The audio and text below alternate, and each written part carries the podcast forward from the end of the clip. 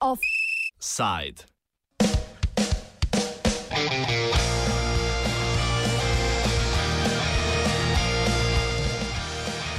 Nič več tuji delavci.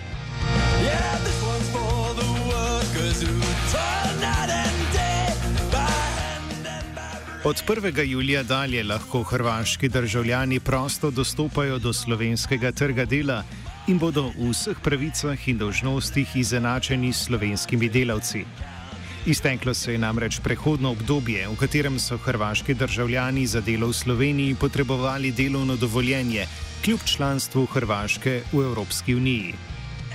Zakonodaja EU sicer določa prosti pretok delavcev, kar pomeni, da morajo biti delavci iz ene države članice na trgu dela, druge obravnavani enako.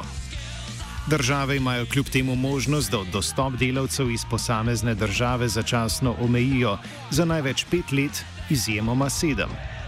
Slovenija se je za ta ukrep leta 2013 odločila zaradi brezposelnosti lastnih državljanov, ki pa sedaj ni več ovira. Odprava ukrepa bo delodajalcem zlasti na obmejnih območjih predvidoma olajšala zadovoljevanje potrebe po delovni sili. S prostitvijo trga dela za migranske delavce pa se žal odpirajo tudi možnosti za zlorabe.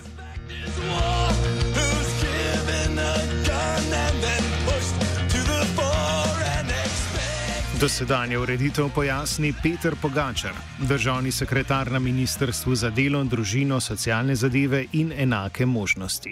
Z vstopom Hrvaške v Evropsko unijo je Slovenija uvedla prehodni režim najprej za tri leta, potem podaljšala še za dve leti. Prehodni režim je pomenil, da kljub temu, da je Hrvaška bila del Evropske unije, je Slovenija kot članica izkoristila možnost in uvedla omejitve za hrvaške delavce za dostop na trg dela. To je pomenilo, da je vsak državljan Republike Hrvaške, ki je želel delati v Republiki Sloveniji, potreboval delovno dovoljenje. Po podatkih Zavoda za zaposlovanje Republike Slovenije iz konca maja 2018 je bilo hrvaškim državljanom izdanih 2443 delovnih dovoljenj, največ za delo v predelovalnih dejavnostih, gradbeništvu ter prometu in skladiščenju. Skupno je Zavod tujim državljanom izdal 23.610 dovoljenj. Po zadnjih podatkih Statističnega urada Republike Slovenije iz leta 2018 pa je bilo delovno aktivnih 6434 Hrvatov. Številki se razlikujeta, ker hrvaški državljani po dveh letih zakonitega bivanja v Sloveniji delovnega dovoljenja niso več potrebovali. Enako kot slovenski državljani pa so lahko delali tudi na podlagi pogodb civilnega prava, kot je naprimer podjemna.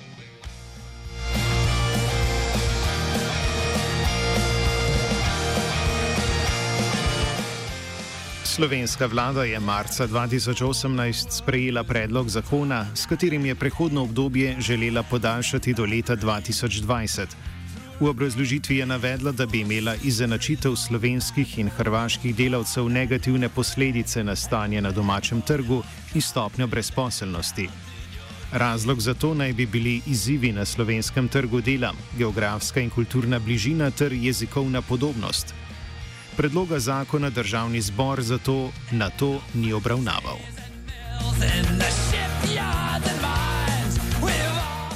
Vseh teh težav po treh mesecih očitno ni več, pojasni Pogačar. Predvsem gre tukaj za, uh, za dilemo. Ne? Uh, dejstvo je, da Slovenija, tudi če bi želela podaljšati to prehodno obdobje, bi morala pravočasno o tem obvestiti Evropsko komisijo in tudi pojasniti, kje so razlogi za to.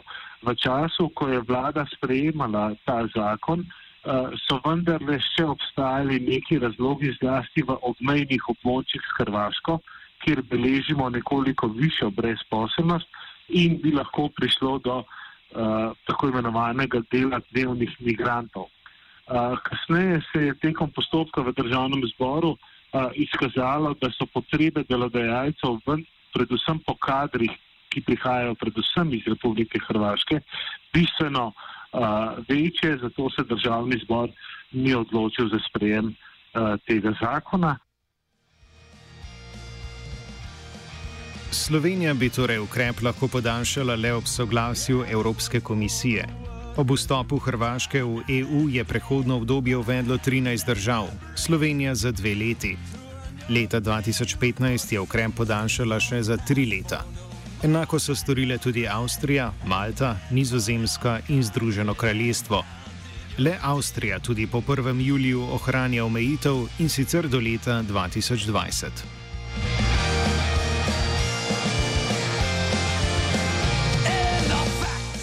Goran Lukič iz delavske svetovalnice novo ureditev pozdravlja.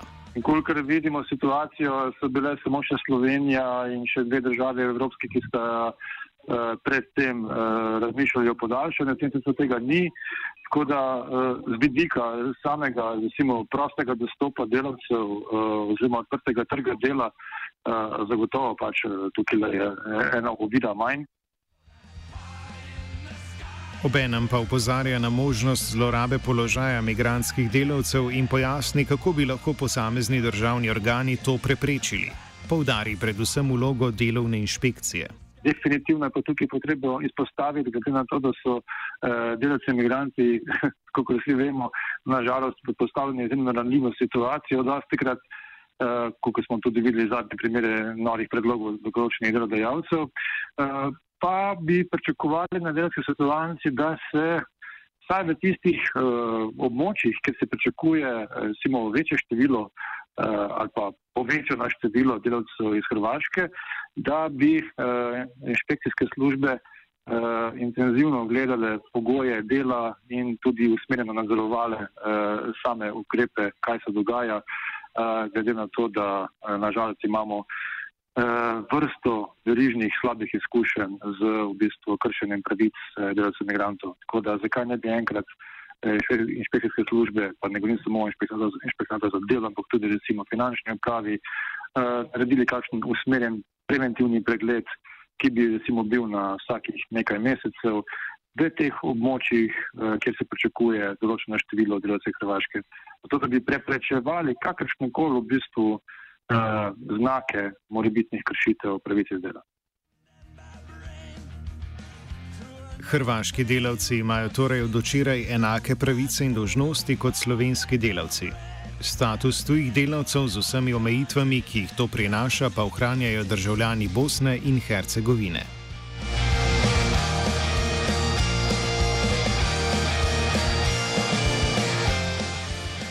Sekciji za promet gospodarske zbornice Slovenije in obrtne zbornice Slovenije sta pred nekaj dnevi na Ministrstvo za delo, družino in socialne zadeve vložili zahtevo, po kateri bi morali biti državljani Bosne in Hercegovine pri prvem delodajalcu na mesto dosedanjega enega zaposleni pet let in šele potem prosto dostopali do trga dela.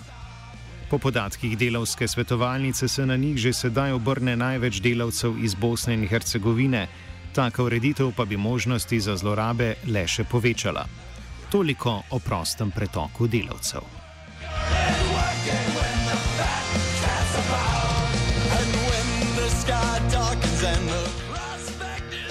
Prvi poletni offside je pripravila Pija.